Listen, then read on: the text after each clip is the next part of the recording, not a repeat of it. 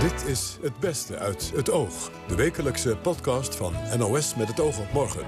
Buiten kabbelt de zomer lekker voort. Binnen zit onverstoord Mieke van der Wij.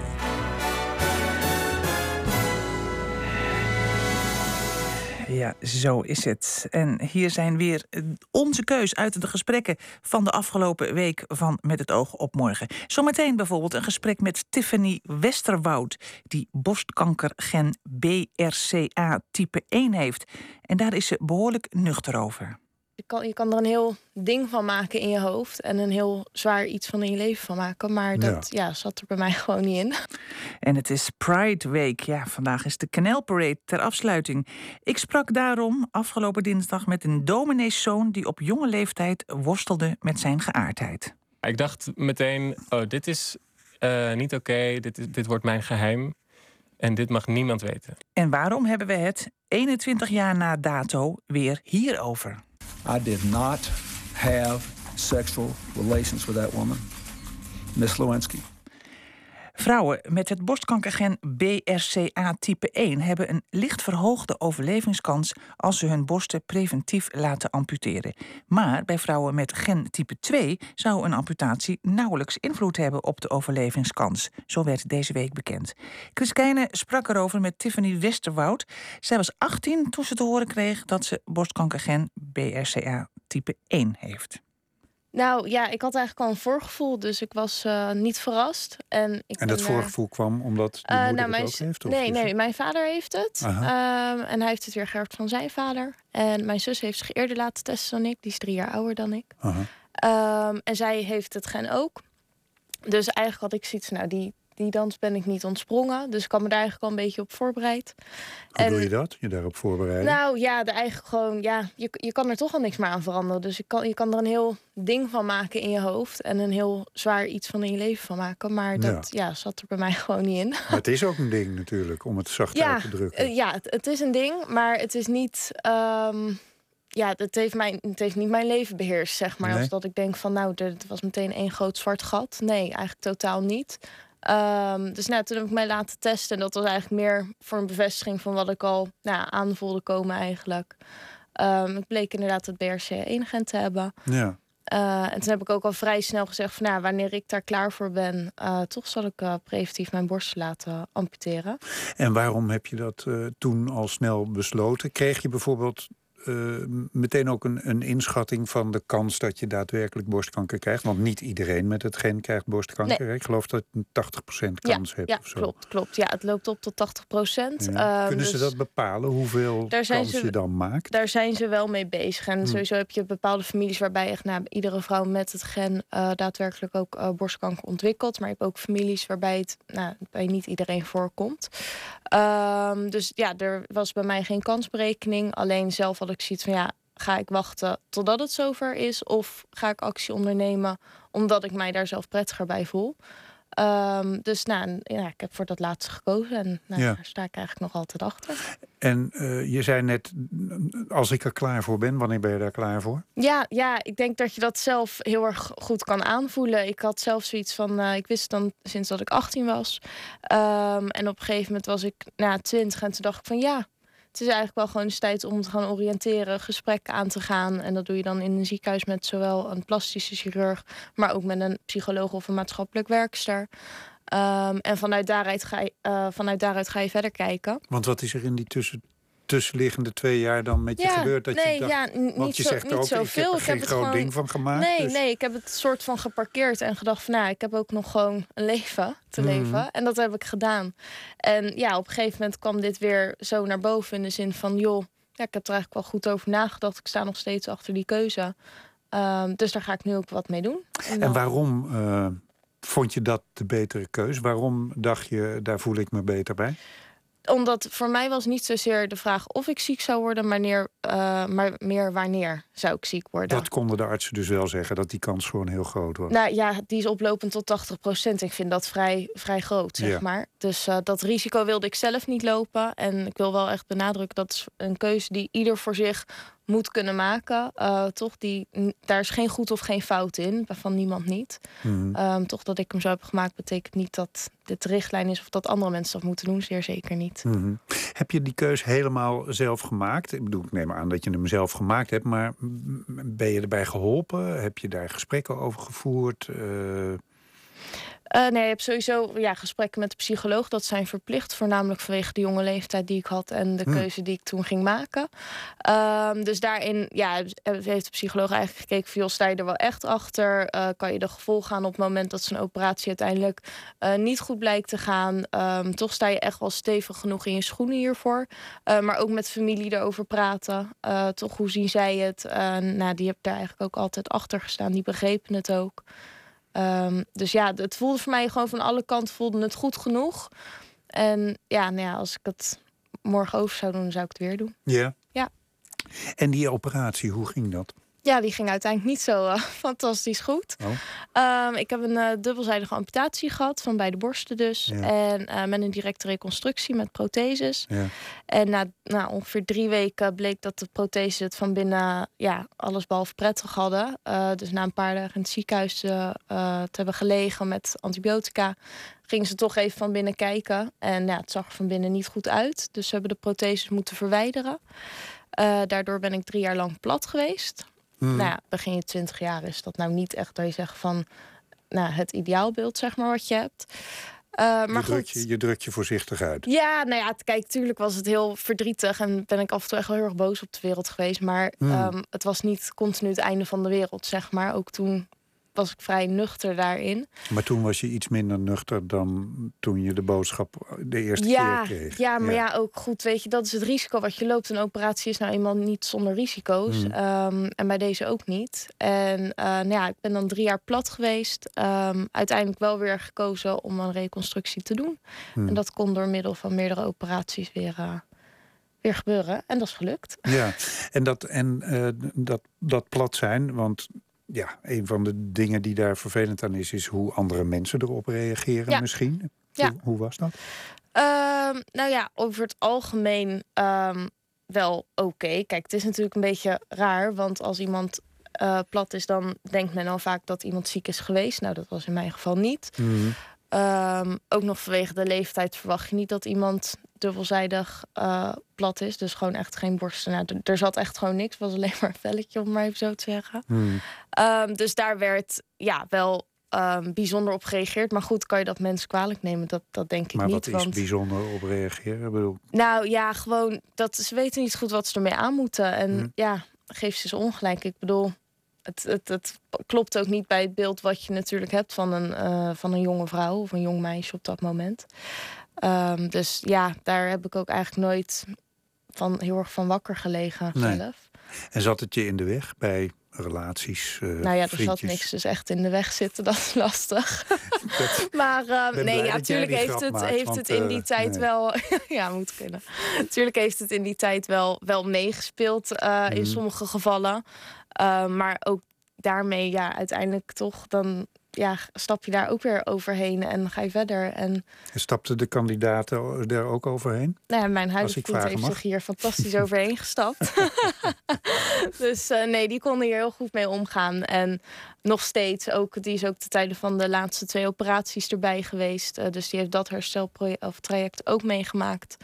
Um, en ja, weet je, dat is voor niemand leuk. Maar ja, uiteindelijk toch, ze zitten er nu al weer een jaar in. En hmm. het gaat al een jaar goed. Ja. Dus, uh...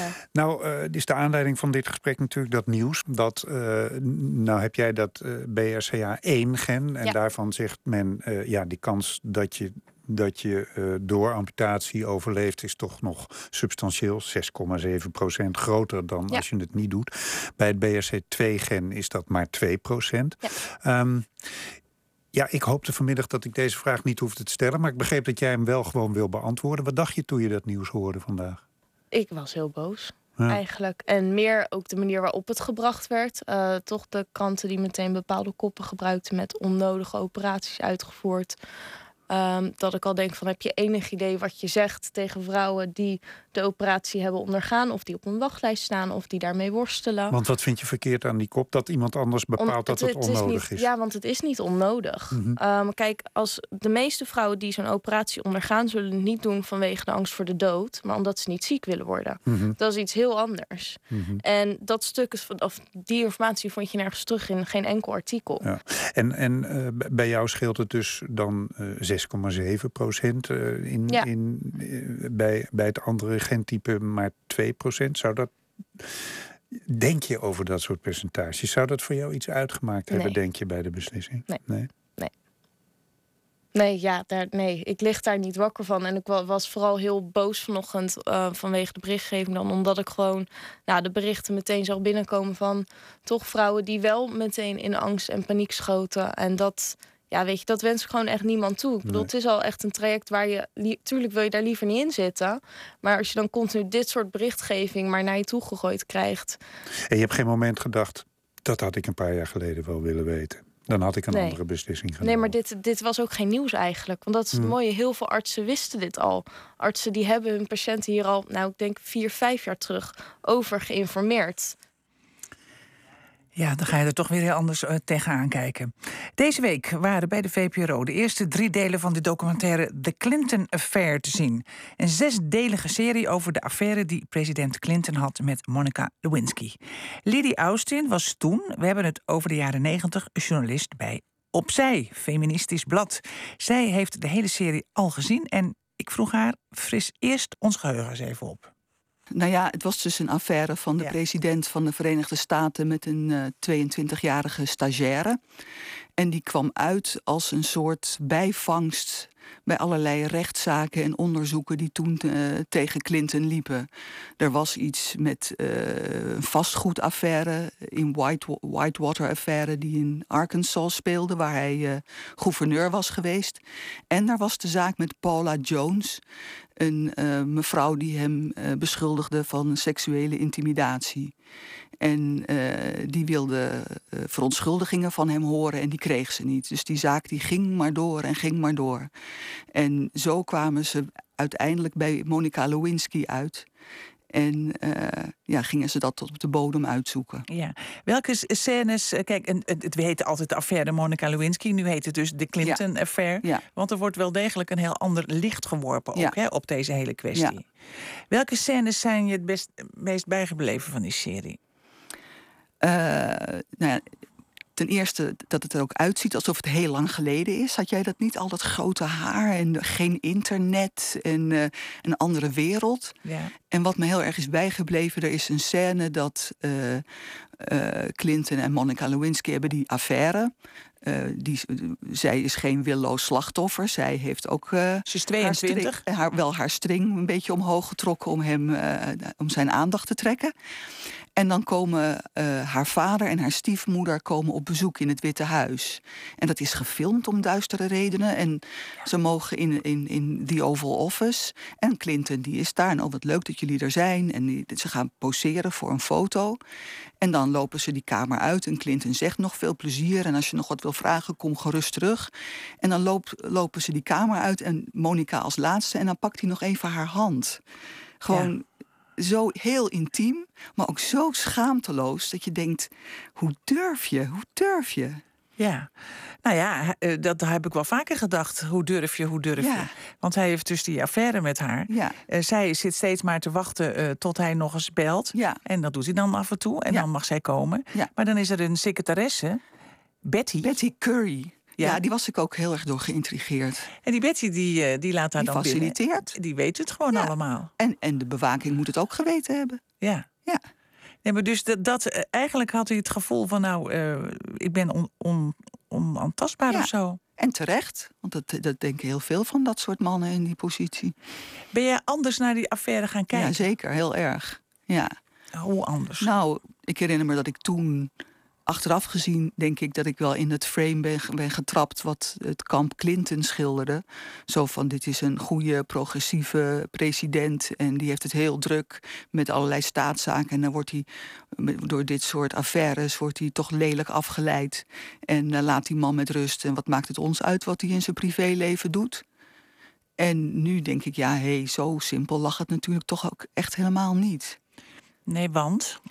Um, hier was toch wel degelijk een patroon, tekende zich hier af. Van allerlei uh, dames die, die, die, met, bij wie hij grensoverschrijdend gedrag tentoonspreidde. En dat was bij Monica Lewinsky niet per se het geval, denk ik. Maar wel de manier hoe hij dat wilde afdekken. Nou ja, omdat zij natuurlijk 22 jaar was. Ik bedoel, ze was geen 12, laten we eerlijk zijn. Precies. Ze zegt op een gegeven moment, ja, eigenlijk had ik...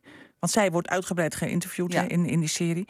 Zij zegt, ja, eigenlijk had ik natuurlijk in. Ik was 22. Ik had ja. gewoon leuk met mijn leeftijdsgenoten uit moeten gaan. Maar dan denk ik, ja, had dat dan gedaan? Nou ja, maar ze was natuurlijk, het was haar eerste baantje. En het is de president van ja. de Verenigde Staten. Het is niet. Um, ja, de, de, de, baas van de papierfabriek. Nee. Uh, en dat ik, ik ja, ik, ik, ik, ik snap wel dat zij geïmponeerd was. En ook dat ze gevleid was. Dat zei ze ook in Ja. die documentaire. Van, nou, hij ziet mij toch maar mooi staan. Ja. En uh, dus.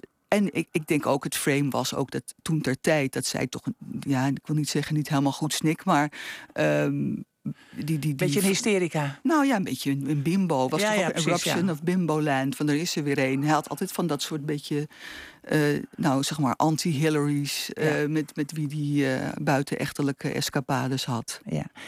Um, we hebben een fragment van haar.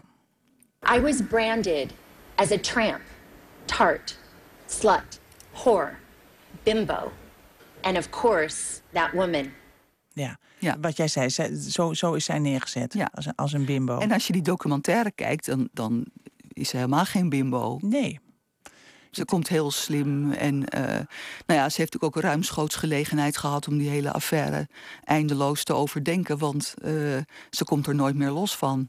Dat zegt ze ook. Ja. Ze zegt, ze heeft, of, ja, ze, ze heeft niet een man of, kunnen vinden of een gezin kunnen stichten. Nee, of allemaal- een baan kunnen omdat vinden. ze altijd that woman is Ja, gebleven. Ja, Dat, dat vond ik nog wel, eh, ja, ja, gek eigenlijk. Vind je niet? nou qua man vind ik het wel gek, ja, Het maar is een hele mooie, eh, inte- Ja, in- intelligente ja, vrouw. Maar ik, goed. ik, ja, qua baan is het misschien uh, lastiger. Daar kan ik me nog wel iets bij voorstellen. Of, of dat je haar aanneemt als een soort van, haha, kijk eens wie ik heb aangenomen. Ja. Nou, ik denk dat eh, we er ook anders naar kijken, omdat het nu toch in dat MeToo-tijdperk zit. Absoluut. Ja. En dat, uh, dat neem ik mezelf ook wel kwalijk. Dat ik toch. Uh, dat ik, ik heb me toen weinig zusterlijk gedragen, zal ik maar zeggen. Ik heb ook gelachen en gedacht, haha. En um, ja, dat, dat vind ik uh, achteraf gezien niet helemaal correct van mezelf. Schaamte? Ja, vind ik, denk, god, ja, dat is wel voortschrijdend inzicht. Ja. Uh, Bill Clinton zit er zelf helaas niet in. Nee. Had hij dat moeten doen? Ja, vind ik wel. Ja. Maar hij is vorig jaar gevraagd of hij niet zijn excuses aan haar zou moeten aanbieden. En dan zegt hij ook gewoon nee. Ja. Hij vindt dat blijkbaar toch uh, uh, collateral damage. Ja. Hillary Clinton zit er ook niet in. Terwijl Nee. die toch ook uitgebreid natuurlijk in die serie uh, langskomt. Ja, en die ook een rekening hiervoor heeft gepresenteerd heeft gekregen toen uh, tijdens de campagne tegen Trump. Toen hij opeens al die dames ging opvoeren uh, die, die Bill Clinton hebben aangeklaagd. En dat het op haar afstraalde dat ze zo'n man had. Dat heeft niet in haar voordeel gewerkt. Wat er ook uh, heel erg duidelijk wordt in die serie, is dat enorme politieke gekonkel Ja. En hoe dit dus uitsluitend steeds uh, al, al die kwesties rondom hem die met dames te maken hebben, voortdurend dus gebruikt worden door de Republikeinen om hem uh, Ja. zoveel mogelijk te Ja. beschadigen. Ja, en dat hij er toch iedere keer weer aan begon. Dat is toch ook weer fascinerend. Nou ja, hij komt er in eerste instantie komt hij er eigenlijk ook behoorlijk goed mee Hij weg. komt bij, met alles uiteindelijk weg. Ja. En jij, hebt gefascineerd gekeken Ja, al die zeker. zes afleveringen. Ja. Je hebt je geen seconde verveeld. Zeker niet. Nee. Nee, ik kan het echt uh, warm aanbevelen. Al dus uh, Liddy Austin over de documentaire reeks The Clinton Affair. Nu te zien op NPO Start. En uh, de komende week de laatste drie delen gewoon bij de VPRO. De komende weken onderzoeken we in het oog de toekomst van het vlees eten. We horen voortdurend dat veel vlees eten slecht is voor de mens, voor het dier en voor de hele aarde. Maar gaan we met z'n allen ook daadwerkelijk minder vlees eten? En is dat ook het beste? We trapten af met consumptiesocioloog Hans Dagenvos van de Wageningen Universiteit. Hij onderzoekt al jaren onze vleesconsumptie. Koen Verbraak vroeg hem wat hij die avond zelf had gegeten. Uh, spaghetti carbonara. Dus inclusief vlees, eieren, slagroom, kaas, uw ogen glimmen daar ook heel uh, uh, stralend bij, zou ik maar zeggen. Nou, het is natuurlijk altijd een beetje lastig voor als, als onderzoeker om over je eigen eetpatroon te praten. Want daar kun je natuurlijk het eigenlijk nooit goed mee doen. Als ik zou zeggen, ik, ik eet nooit vlees, dan zouden mensen misschien kunnen denken, oh, hij is vooringenomen. En als ik heel veel vlees zou eten, zouden mensen zeggen, nou, wat is dat nou voor iets raars? Als je je hele dagen met vleesconsumptie bezighoudt en er zoveel van weet, en dan toch maar stug door blijven eten. Dus tegenover mij zit, zoals dat heet, de flexitariër. flexitariër. Ja, ik heb de indruk dat daar steeds meer uh, van komen. Hè? Dat steeds meer mensen zeggen: ik eet veel minder vlees. Klopt dat? In ieder geval dat steeds meer mensen aangeven dat ze flexitarisch eetpatroon erop nahouden. Dat wil zeggen, een aantal dagen in de week geen vlees. Maar daar hangt een maar in de lucht. Het maar is dat we de harde marktcijfers in de vleesconsumptie niet zien dalen. Wat betekent dat dan? Dat betekent dus dat we eigenlijk al heel lang op eenzelfde hoeveelheid vlees eten. Een hoeveelheid die eh, ook vele malen hoger is dan wat we eigenlijk volgens de richtlijnen goede voeding zouden moeten eten. Namelijk 38 kilo eten we ongeveer per persoon per jaar. En als we de richtlijnen gezonde voeding erop na zouden houden, zou op ongeveer 26 kilo per persoon per jaar moeten zitten. Ja, en toch spreek ik veel van die mensen, uh, mezelf in kluis, ik spreek mezelf ook wel eens af en toe, uh, die, die gewoon uh, veel minder vlees eten in de week. Hoe komt dat dan? Ja, dat klopt nou, dus niet. Die zijn niet eerlijk. Nou, die nee, u kunt heel eerlijk zijn. Alleen wij kunnen, wij, wij, als we het over heel Nederland bekijken, dan zie je dus dat er eigenlijk heel weinig beweging in die vleesconsumptievraag uh, zit. Hè, in de hoeveelheid die we eten met z'n allen. Dus het idee is ook van dat die mensen die aangeven, ook in mijn onderzoek, dat ze flexitarisch eten, dat die niet uh, liegen of zo. Of zich uh, heel ernstig vergissen of politiek correcte antwoorden willen geven. Maar dat er ook een groep zou kunnen zijn die gewoon stug doorgaat. Of dat er minder mensen meer vlees eten. Ja, bijvoorbeeld. Hè. Dus dat zou dus kunnen. Dat weten we niet of dat zo is. We hebben wel een paar indicaties daarvoor. Maar eh, we weten niet precies hoe, de, hoe die vork in de steel zit. Het is nog helemaal niet uh, zo lang gebruikelijk om elke dag vlees te eten. Nee, helemaal niet. Eigenlijk is het nog maar een jaar of zestig. Hè. Dus, uh, zo kort nog maar. Zo kort nog Na maar. de Tweede Wereldoorlog. Na de Tweede Wereldoorlog. En toen ook nog maar stapsgewijs. je moet je ongeveer voorstellen, in de jaren 50 en 60 aten we de helft ongeveer 20 kilo van wat we nu eten vandaag de dag. Dus je ziet hoe snel die ontwikkelingen zijn gegaan. Die zijn met name hebben die een hoge vlucht genomen in de laatste kwart van de vorige eeuw. En toen zijn ze eigenlijk gestabiliseerd in de 21ste eeuw rond iets onder de 80 80 kilo karkasgewicht. Dus dat is 40 kilo, iets onder de 40 kilo geconsumeerde hoeveelheid. En zijn we ook ander vlees gaan eten dan vroeger? Ja, we zijn wel uh, uh, meer kip gaan eten. Duidelijk meer kip. Uh, de hoeveelheid die we nu eten is eh, nou, het dubbele van een aantal decennia geleden. Eh, varkensvlees is eigenlijk een constante. Ongeveer de helft van de hoeveelheid vlees die we eten is varkensvlees. En de andere helft bestaat uit uh, rundvlees en uit uh, pluimveevlees, dus kippenvlees. Uh, en de hoeveelheid rundvlees is ietsje afgevlakt, ietsje gezakt. Vindt u dat het nodig is dat we minder vlees gaan eten? Nou, er zijn hele goede redenen om, uh, om minder vlees uh, te eten. Noem er eens een paar. Uh, nou ja, de, eigenlijk alle grote vraagstukken die we hebben in de, in de wereld van landbouw en voedsel, die raken aan deze thematiek. Namelijk, het gaat natuurlijk om duurzaamheid. Het gaat om dierenwelzijn. Het gaat om gezondheid. Zowel de gezondheid van de planeet, dus de duurzaamheid, als onze eigen gezondheid. En het gaat ook om mondiale voedselzekerheid. We moeten niet vergeten dat de productie van vlees, veel plantaardig materiaal, is eigenlijk helemaal niet zo efficiënt. Dus om ook op mondiale schaal te kijken naar de voedselzekerheid, gegeven de bevolkingsgroei die we mogen verwachten de komende decennia, is ook, raakt ook dit vraagstuk aan deze thematiek. Ja, maar u zei net al, uit cijfers blijkt dat we stug door blijven eten met dat vlees. Hoe kunnen we dan toch bewerkstelligen dat wij uh, gaan minderen?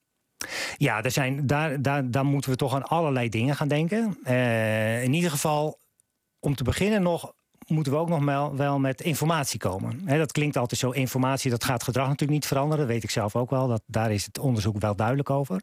Maar het geeft wel een bepaalde voedingsbodem... om zeg maar een bepaald bewustzijn eh, te, nou ja, in, gang te zetten. Wat voor informatie geeft u zelf dan? Nou, ik vind bijvoorbeeld belangrijk dat mensen het idee hebben... als ze vlees willen blijven eten, dat eigenlijk 70 gram per dag voldoende is. Maar dan zeggen mensen, ja, zo'n klein mini-mini stukje zeg, kom ja, op. dat kan. Maar dat, dat, dat is bijvoorbeeld al wel hele basale informatie... die de meeste mensen op de straat echt niet weten. Of kun je dan beter zes dagen niet en één dag een T-bone? Bijvoorbeeld, dat, dat is ook een beetje het idee waar, waar we natuurlijk ook naartoe willen. Hè? Van als jij uh, weer een beetje toekomstbestendig uh, vlees wil eten... Ja. dan is het toch belangrijk om dat één of twee keer in de week te doen. En koop dan iets goeds, iets lekkers... Uh, en de andere dagen neem iets, uh, iets anders. Hoe ziet u dat voor u? Hè? Gaan we, is het over 100 jaar zo dat er op verjaarsfeestjes hard gelachen wordt? Om, als je zegt, ja joh, 100 jaar geleden aten die mensen nog vlees joh. Ja, nou, ik, uh, ik, ja, het is natuurlijk altijd heel lastig om in de toekomst te kijken. Maar het, het, is, het mag wel zo zijn dat we de manier waarop we nu vlees eten, dat dat wel zonder historisch precedent is. En dat is ook niet, ook niet voor de toekomst uh, voorbereid. Hè. Dus dat kan gewoon niet uit. Maar u ziet wel een, vleesvrij, een vleesvrije wereld voor u? Nou, maar we, ja, nou helemaal vleesvrij, dat hoeft ook niet. We mogen ook wel wat vlees blijven eten. Maar dan praat je echt in termen van één of twee keer in de week. en dan niet enorm enorme uh, lappen. ook mijn collega's in Wageningen hebben ook wel uh, doorgerekend dat er ook wel degelijk plaats mag zijn voor uh, vee. dat dat ook heel veel functionaliteit met zich meebrengt. Maar niet in de orde van grootte en de schaal waarop we nu vlees eten. De komende weken spreken we in deze serie onder andere nog met veganist en antropoloog Roanne van Voorst en met barbecue-koning Jort Althuizen. Hoe is het voor LHBT'ers om op te groeien in een kerk waar homoseksualiteit niet lijkt te bestaan? Dat is te zien in de documentaire met de treffende naam Ik ben er geen, ik ken er geen. Ik had de makers deze week op bezoek, Frans Blokhuis en Marnix Haak. Frans is er één en Marnix is er niet één. Ik ben, ik ben er geen. Nee, wanneer ben je daarvoor uitgekomen? Inderdaad. Ja, pas laat. Uh, ja, ik denk. Uh, nee, ik heb geen idee. Nee, nou ja, mag er zijn, maar niks. Je stelt die vraag aan het begin van die film op een christelijk festival. En dat vinden mensen ook een rare vraag, hè? Ja, vonden ze lastig inderdaad. Ja, helemaal. En hoe is het om hetero te zijn? Ja, hoe is het om hetero te zijn? Normaal, gewoon. Ja. Ja, denk er nooit over na. Ja. Maar dat gold, begreep ik, tot voor kort voor jou eigenlijk ook. In jouw leven en, en, en ook in de kerk waar je in opgroeide werd het doodgezwegen, toch? Absoluut. Nou, het feit dat, je, dat er ook iets, ander, iets, wezen, uh, iets, iets anders is dan uh, hetero. Dat je ook uh, lesbisch, homo of biseksueel kan zijn, trans. Ja, daar heb je het niet echt over. Dat is niet echt een, een, realistisch ding. Je hoort vaag wel een soort van spookverhalen of zo. Maar het lijkt wel alsof het niet voorkomt. Maar um, tegenwoordig wordt er wel meer over gepraat, maar het blijft... meer dan in de tijd dat ik bijvoorbeeld in een gereformeerd gezin op, opgroeide. Ja, maar het blijft, het blijft lastig. En dan is toch de makkelijkste weg om het maar even te parkeren en het er niet over te hebben. En daar gaat deze docu over. Ja, Frans Blokhuis, die zit naast jou. Uh, jij bent opgegroeid in de gereformeerde kerk, zoon van een dominee. Dus ja, jij moest het op een gegeven moment wel over hebben toen je dacht van hé, hey, ik val op jongens. Ja, ja. En, en mijn vader is dominee inderdaad, zoals je zegt. Maar, maar niet een, een enge, strenge man hoor. Uh, ik heb een hele lieve vader. Maar die vond het wel lastig in het begin. Die, maar wist je wel dat het was, überhaupt, homo dan, als daar niet over gesproken wordt? Nou ja, goed, je gevoelens die, die ervaar je gewoon op een gegeven moment. En, en die kan je niet ontkennen. Nee. Uh, je merkt dat je niet verliefd wordt op meisjes en wel op jongens. En je merkt waar je ogen heen gaan. En uh, ja, dat is gewoon zo. Dat is gewoon zo. En dacht je toen meteen, ik heb een probleem? Ja, ja. ja ik dacht meteen, oh, dit is uh, niet oké, okay. dit, dit wordt mijn geheim. En dit mag niemand weten. Ook je ouders niet? Nee. Want je zei, ik heb zo'n lieve vader. Ja, gek, ja, gek genoeg wel. Want mijn ouders die, die veroordeelden het dus helemaal niet expliciet. Het was niet zo dat zij... Uh, het erover hadden en dan zeiden van... oh, dat is heel verkeerd, dan ga je naar de hel, dat is heel slecht. Mhm. Het was meer gewoon zo dat het er überhaupt niet over ging... en dat er ook niemand anders was die LHBT'er was uh, in de kerk... En, en daar zichtbaar voor uitkwam. Tenminste, ze waren er misschien wel, maar ja. ze kwamen er niet voor uit. Ja, precies, ja. Maar was het ook niet zo dat je in, in die kerk andere jongens... dat je wel op een of andere manier voelde door blikken of zo... van ja, dat is ook één? Nee, nee. nee achteraf wel, uh, zeg maar met terugwerkende kracht weet ik het van een paar mensen... Ja die mij ook bijvoorbeeld leuk vonden. um, maar dat weet je dan veel te laat. En dan denk je ook van, ach, wat, wat snel eigenlijk... dat we dan elkaar een beetje zijn misgelopen ja, of zo. Precies.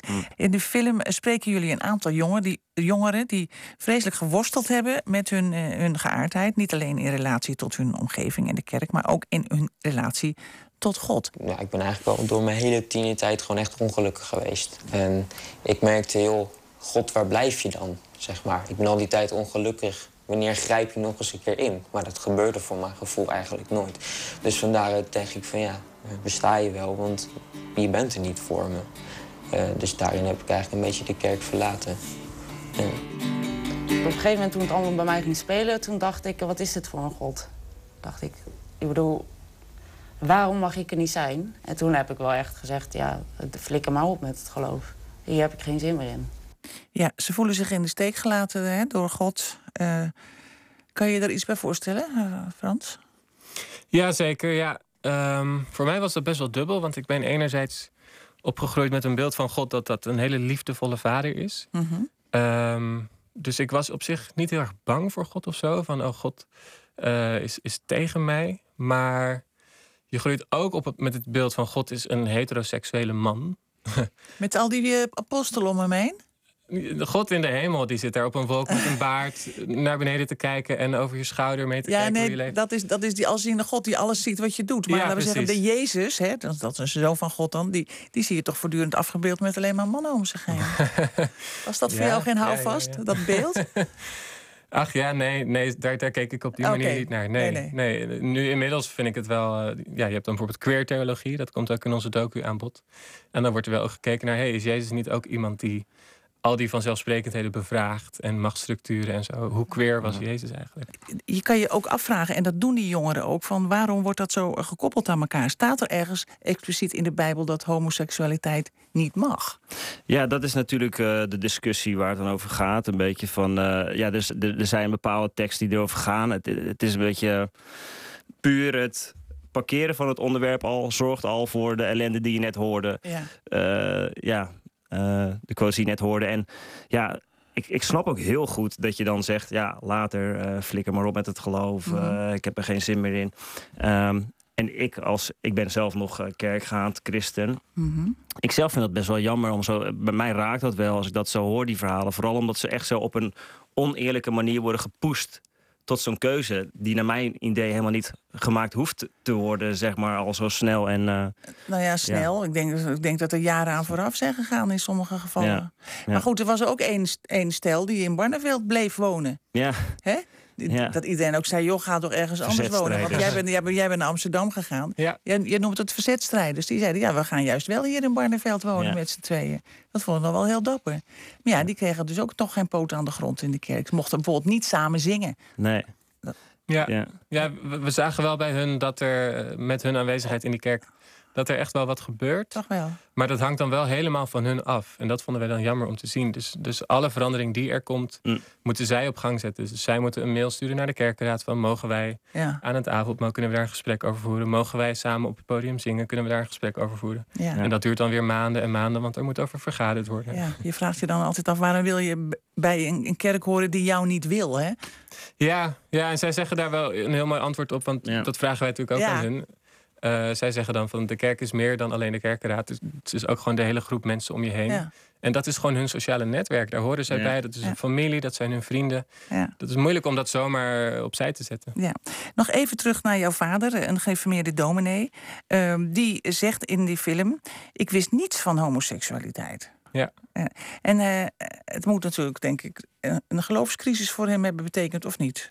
Was hij er vrij snel Een geloofscrisis weet ik niet. Um, maar het heeft wel hem heel erg uh, in een proces geduwd, ook met betrekking tot zijn geloof. Ja.